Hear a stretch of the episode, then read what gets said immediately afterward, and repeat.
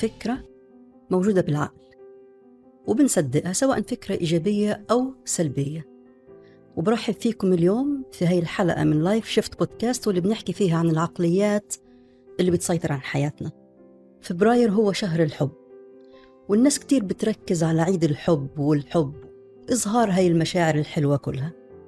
وفي خلال شهر فبراير قررت إنه تكون الحلقات كلها بتتحدث عن الحب لأنه في عقليات كتير مغلوطة وأفكار غلط ومفاهيم مشوش عن هذا الشعور الرائع العظيم.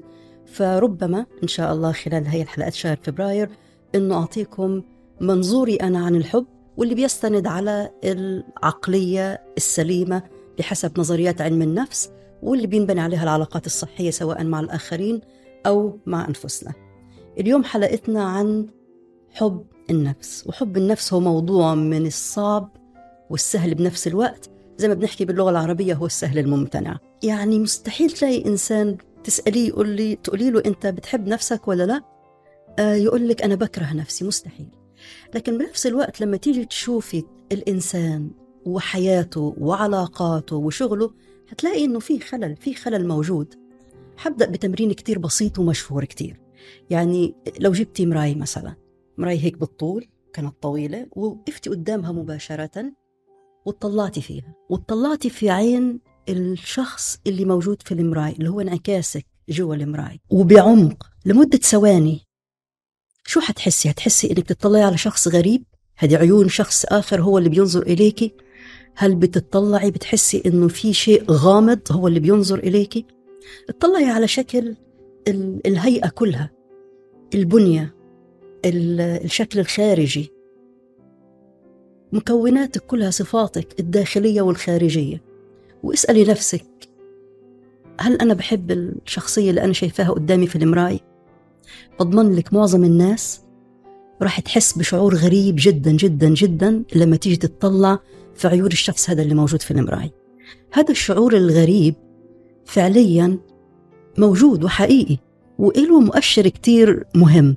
المؤشر هذا المهم إنه في جزء في الشخص هذا اللي أنا شايفاه قدامي في المراية اللي هو المفروض نفسي المفروض يعني أعرف الناس بنفسي هو الشخص هو نفسه.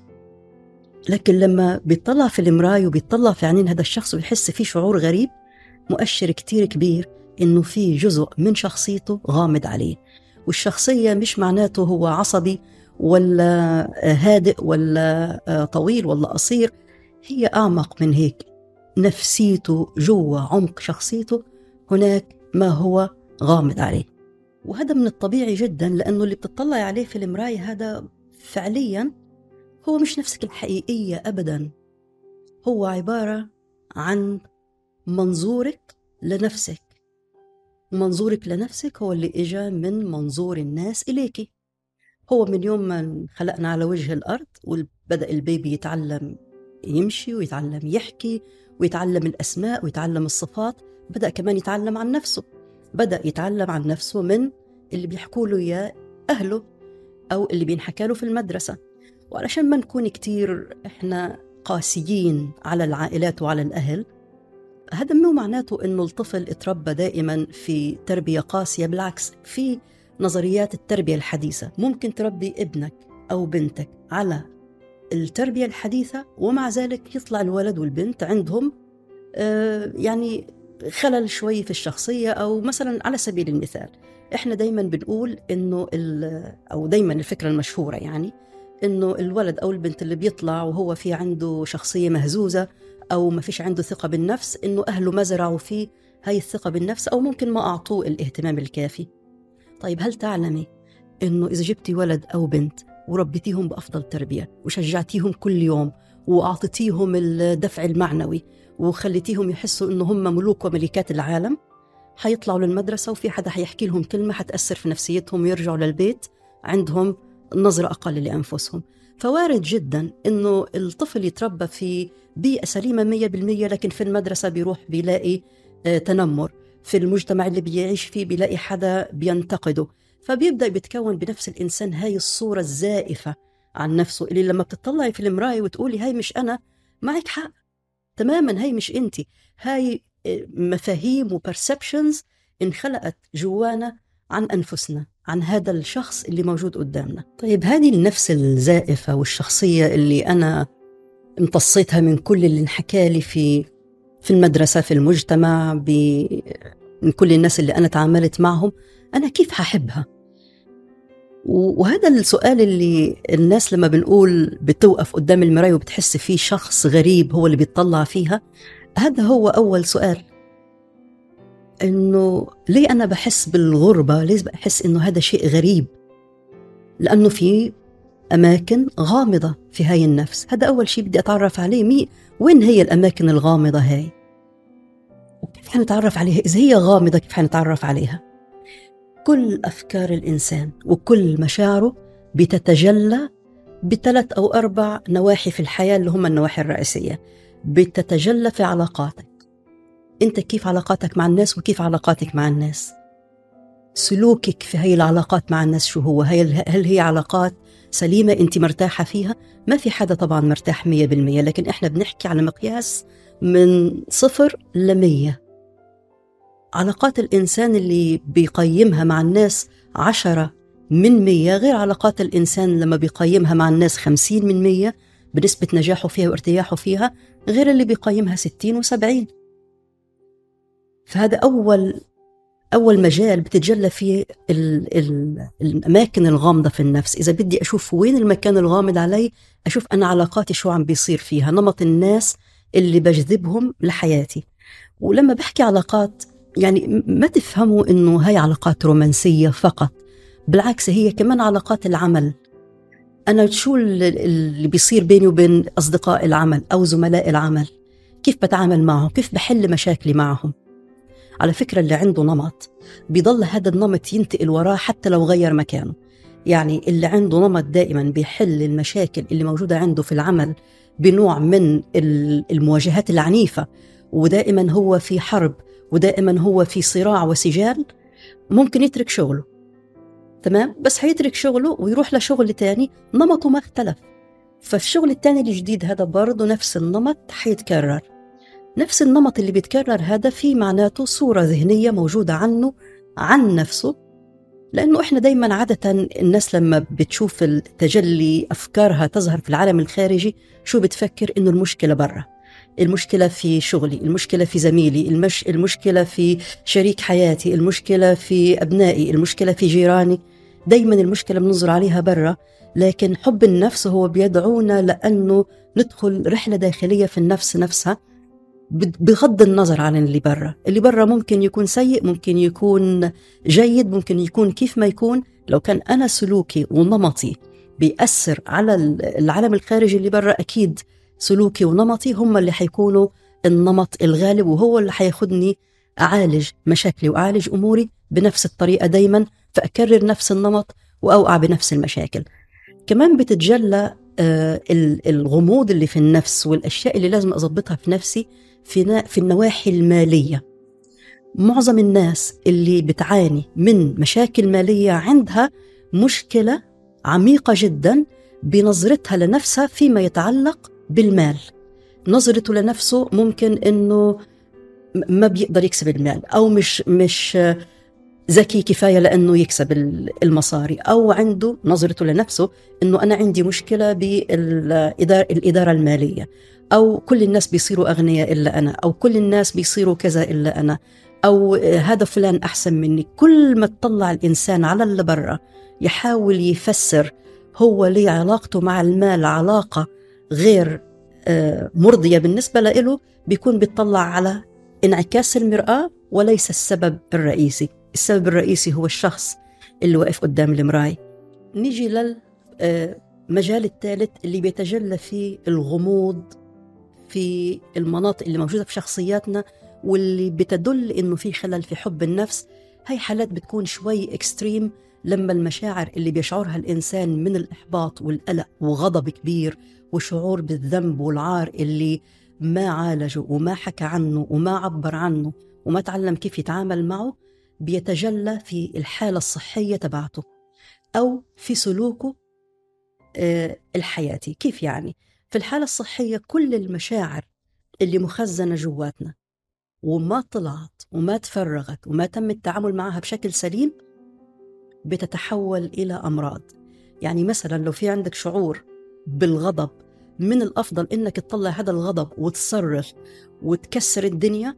أفضل من إنه الغضب هذا تخزنه بداخلك وتكبته بداخلك لأنه وقت ما ينكبت في داخل الإنسان بيتحول إلى مرض في الجسم. هو لازم يطلع يظهر.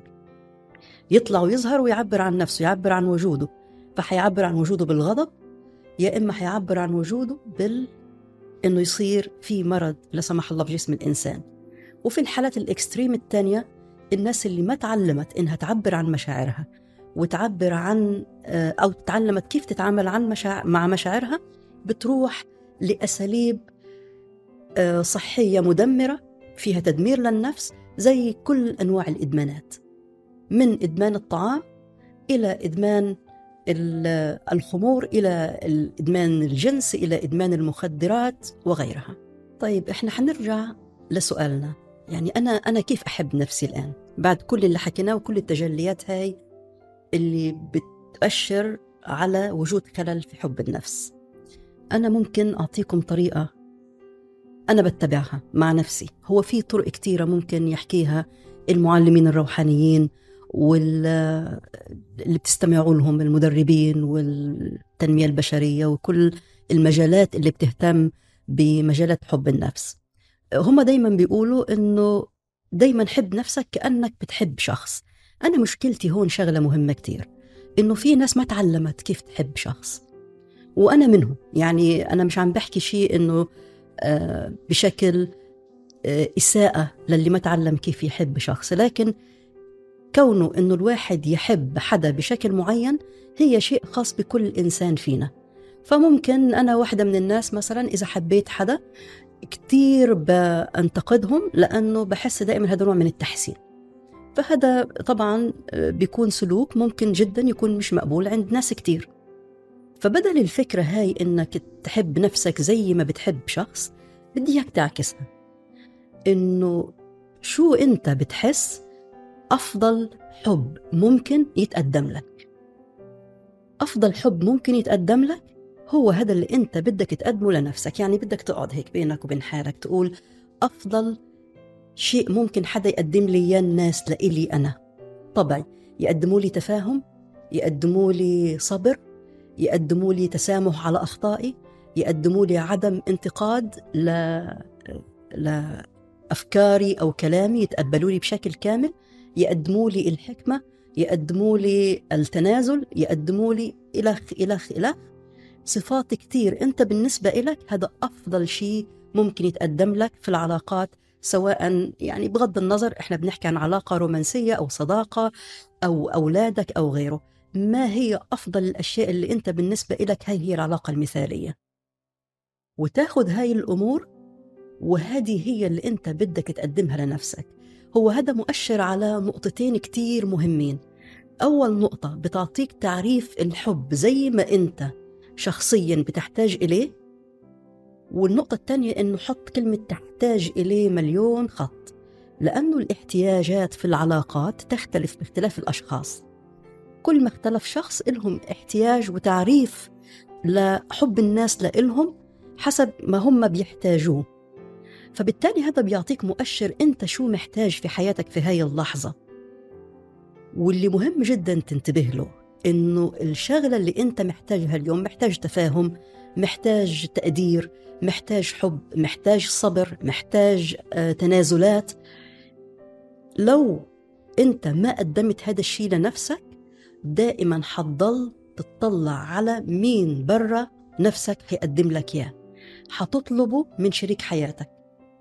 حتطلبه من أولادك تتنازلوا لي. لازم طاعة الوالدين. لازم أنتوا تخافوا علي. حتطلب من شريك حياتك إنك يقدم لك حب أكثر يقدم لك تسامح أكثر حتطلبوا من زملائك في العمل إنهم ما ينتقدوك ما يكونوا آه ما يعني لازم هم يقدروك لازم يكافئوك. كل هاي الأمور اللي أنت عمالك بتطلبها من برا لو جمعتها هذا هو فعليا احتياج نفسك. هذا الاحتياج العظيم لحب النفس من نفسك من هذا الشخص اللي قدائف قدامك في المرآة. عشان هيك أنت شعرت إنه هذا غريب نظرة عينيه غريبة لإلك والشكل هذا أنت مش راضي عنه. هعطيك شغلة كمان ممكن في التمرين هذا تعملها ممكن تفاجئك كتير وممكن تصدم ناس كمان كتير. قول لهذا الشخص اوقف قدامه بكل صراحة وبكل صدق وبكل عمق وأنت بس بينك وبين المراية عشان ما, ما تكون دائما قلقان إنه حدا بيطلع عليك ويقول بيحكي مع نفسه في المراية. اطلع على هذا الشخص في المراية وقول أنا بحبك من قلبي. ممكن ناس كتير والله ما تكمل هاي الجملة. ترفضها. ولو أنت رفضت هاي الكلمة بيكون ربنا أعطاك في هاي اللحظة إشارة عظيمة جدا جدا هدية كبيرة من عنده إنك لازم تحب نفسك أكثر إذا شعرت بمغص في معدتك يعني تقول أنا بحبك من قلبي. لهذا الشخص وحسيت بمغصة. هذه كمان إشارة إنه أنت لازم تحب هذا الشخص محتاج حب كبير. محتاج منك كل التفاهم محتاج منك كل الحب محتاج منك كل التقدير. محتاج إنه ينفهم محتاج إنه ينسمع محتاج إنه تطبطب عليه تقول له it's okay it's going to be okay. فتمرين المراي بعد الفيديو أنا كتير بنصح إنه تعملوه بس عشان يعطيكم مؤشر.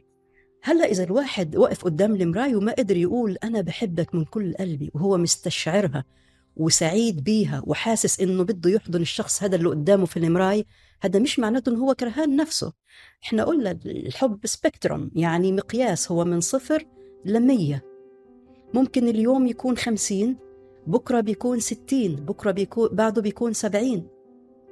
وبدي أحكي لكم كمان شغلة عن حب النفس لأنه هو رحلة عمر رحلة عمر لأنه إحنا عندنا في حضارتنا وثقافتنا الإسلامية بنقول قد أفلح من زكاها. يعني الإنسان بيضله يحكي مع نفسه ويعالج جروحه ويتعامل ويهذب نفسه إلى أن يلقى الله سبحانه وتعالى. هذا شيء ما بينتهي.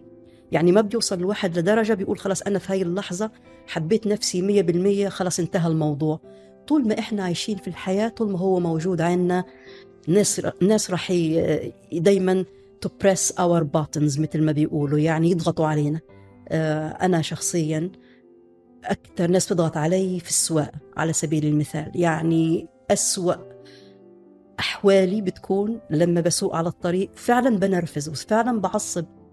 وهذا الشيء أنا لهلأ بشتغل عليه مع أنه في جوانب أخرى أعتقد أني وصلت لمرحلة كبيرة من حب النفس. لكن بيضل في أشياء مواقف معينة بتعرض إلها في الحياة بيضل الإنسان يقول لأ لسه بدي شغل على نفسي لسه بدي أشتغل على حالي أكثر النقطة اللي بدي أحكي لك إياها في مسألة حب النفس لأنه إحنا قلنا هي عملية مستمرة ممكن ناس كتير تحس إنها بتلف وبترجع لنفس النقطة كأنه في دائرة.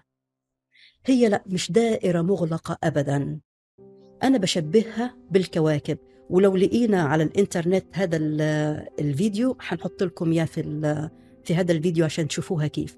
إحنا دايما اتعلمنا إنه الكواكب بتتحرك كيف في مدار حول أنفسها يعني بتروح هيك وبتلف وبترجع وبعدين بتلف وبترجع. بتاخد سنة أو سنتين الدورة تبعت الكوكب وتلف وترجع.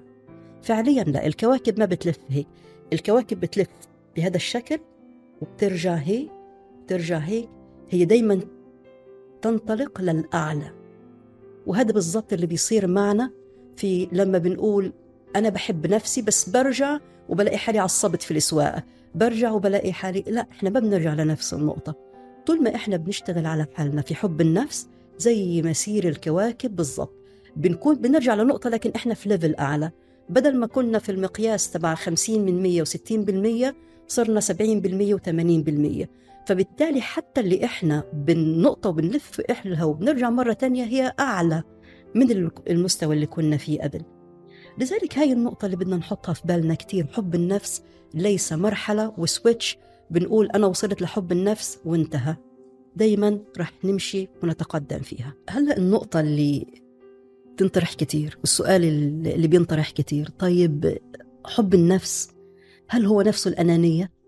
ولا أنا عشان أحب نفسي لازم هذا حيكون أنانية مع الناس كلهم. الفرق بين حب النفس وبين الأنانية مثل فرق السماء والأرض. لكن هو بيختلط على الناس بمفهوم أو بحالات كتير مهمة. وما هم حق فيها. إلا لما بيختلط على الناس في هاي الحالات بتكون إنه الشخص اتعرض لمرحلة من حياته كان ضاغط على حاله كتير عشان الناس. مثل ما بيسموها باللغة الإنجليزية people pleaser يعني أنا باجي على حالي عشان الناس أنا شمعة تحترق عشان الآخرين أنا احتياجاتي مش مهمة المهم اللي حولي يكونوا سعداء. هذا العطاء المستمر بدون ما يجي الإنسان تقدير وفي النهاية بتحس أنت بعدم التقدير تماما بيؤدي إلى نوع شعور بالامتعاض وإنه أنا ليه بعمل هيك؟ فشيء لما بتكون ضغط عليه كتير كتير وتتركه بيرتد للطرف الآخر. فبيرتد الإنسان هذا اللي كان بيعطي كتير وضاغط على حاله عشان الآخرين وشمعة تحترق في سبيل الآخرين وكل المفاهيم اللي هي بتكون آه، بتخليه يضغط على حاله بيروح مباشرة للجهة الثانية تماما من المقياس. بيروح لأنه خلاص أنا ما بدي أعطي أي حدا. الناس ما بتستاهل. أنا لازم أكون عندي حدود وما حدا يقرب من هاي الحدود. فبيبدأ عنده ردة فعل قوية جدا. عشان هيك أنا بقول هو معه حق في هذا الارتداد من هذا الطرف إلى هذا الطرف. لكن هذا الشخص نفسه راح يتعلم مع الوقت وخاصة لما يبدأ يحط حدود آه، ويدخل في مرحلة مع الناس إنه هاي حدودي ما تتجاوزوها لا أنا حبطل أعطي أنا لازم يكون تقديري يعني حيطالب باحتياجاته حيطالب بحقوقه. هون حيكون الإنسان صار متوازن أكثر حيرجع مرة تانية للعطاء حيرجع مرة تانية للعطاء المتوازن. وفي هاي المرحلة بيكون هو فعلا بدأ يوازن بين هو أنا بحب نفسي وبحب يكون عندي حدود وما بحب الآخرين يتعدوا على هاي الحدود إلى إلى مرحلة إنه آه أنا بقدر أوازن بين عطائي للناس وإني آخذ من الناس عطاء واستقبال من الآخرين. آخذ منهم وأعطيهم بنفس المقدار لا أزيد ولا أقل. ولما هذا الشخص يتقدم أكثر في حب النفس في رحلته في حب نفسه لما يوصل إلى 70 و80 و90 راح يرجع مرة تانية عنده نوع من العطاء والتفاني لكن مش عشان الآخرين. هون بتكون علشان رضاء المشاعر اللي هو بينتج عن إنك أنت تكون في المراحل العليا من الوعي والإدراك. بيكون هذا العطاء في استمتاع بيكون العطاء في آه ما في أي انتظار للمقابل بيكون ما في حتى لو الناس ما قدروه وقتها ما حتكون تفرق معه أبدا. بس هاي مراحل بتكون أعلى. فطبيعي جدا إنه يكون في خلط في المفاهيم بوقت من الأوقات في رحلتنا في حب النفس بين إنه أنا أحب نفسي ولا أنا إنسانة أنانية. ممكن تختلط المفاهيم لحد ما يصير التوازن هذا. طيب حب النفس والنرجسية. الفرق بينهم وتشابه بينهم. كمان فرق السماء والأرض حب النفس شيء والنرجسية شيء آخر. النرجسية هي سلوك بشري أولا هو خلل في الشخصية وليس له أي دخل في حب النفس. حب النفس مش خلل في الشخصية والأنانية مش خلل كمان في الشخصية بالمعنى اللي شرحناه قبل شوي. يعني الإنسان في لحظة حس حاله غير مقدر فحط حدود وقال أنا مش هعطي حدا أي شيء. هذه بانتقال تذبذب في المشاعر نتيجة الظروف اللي هي بتحيط فيه. لكن النرجسية هي شيء مختلف تماما. النرجسية هي فرض السيطرة على الآخرين لإخضاعهم لإلي. إنه الآخرين موجودين عشان خدمتي. إنه الناس موجودة عشان أنا آه، أكون سعيد وأكون سعيد في حياتي. أنا لا أقدم شيء بالمقابل. هذا هو هي هي النرجسية وهذا شيء مختلف تماما.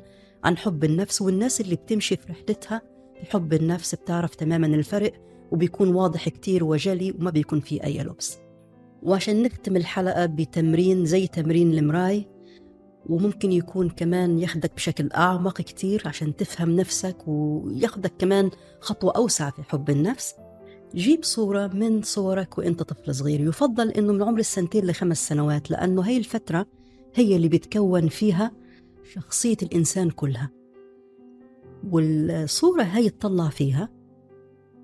وشوف شو شعورك تجاه الطفل هذا الصغير. حتوصلك رسائل آه، انفعالية. ممكن ممكن يكون في انفعال آه، بالحب أو بالعطف أو بالشفقة. حيكون حيكون في انفعالات كثيرة ركز مع صورة الطفل هذا لمدة خمس دقائق أو عشر دقائق ووجه له كمية كبيرة من الحب. كمية كبيرة جدا جدا من الحب. هذه التمرين الصورة هو فعليا بيدخل لعقلك اللاواعي لأن صورة الطفل هذا هي موجودة في عقلك اللاواعي. كل شيء تشربته من المجتمع ومن الآخرين في صورتك الذهنية عن نفسك اتبلورت من سن السنتين للخمس سنوات إلى سبع سنوات maximum فلما بتجيب الصورة وتطلع فيها وتوجه لها كمية كبيرة من الحب كأنك عملت دي آه، للعقل الواعي كسرت القفل اللي موجود على العقل الواعي في هاي الفترة وأنت صغير وك... وأعطتها كميات وجرعات عالية جدا من الحب اللي بيحتاجها هذا الطفل. بعد هيك لما تصير توقف قدام المراي وتطلع في عيون هذا الشخص حتلاحظ اختلاف كبير حتلاحظ في سهولة أكبر في تقبل هذا الشخص اللي موجود قدامك تقبل شكله تقبل جسمه تقبل وزنه الزايد تقبل نحافته تقبل آه، الملامح الشكلية كل شيء. وحتى لو استمريت في هذا التمرين بشكل كافي وأعطيته الاهتمام الكافي وبشكل مستمر لمدة خلينا نقول ست أسابيع حسب آه، أحد الدراسات اللي انعملت في أمريكا. لمدة ست أسابيع متواصلة حتلاقي عندك أنت كونت نوع كبير من التعاطف والحب اللي إحنا بنسميه حب النفس. قبل ما أختم معاكم الحلقة وأودعكم للحلقة الجاي بحب أحكي لكم إنه في عنا ضيف في حلقة الأسبوع القادم وحنحكي كمان عن مواضيع بتخص مفاهيم الحب وكيف المفاهيم اللي مغلوطة. خليكم معنا للأسبوع القادم حتكون مقابلة ممتازة جدا وعظيمة. وألقاكم في الحلقة القادمة هذا لايف شيفت بودكاست وأنا معكم شريفة حجي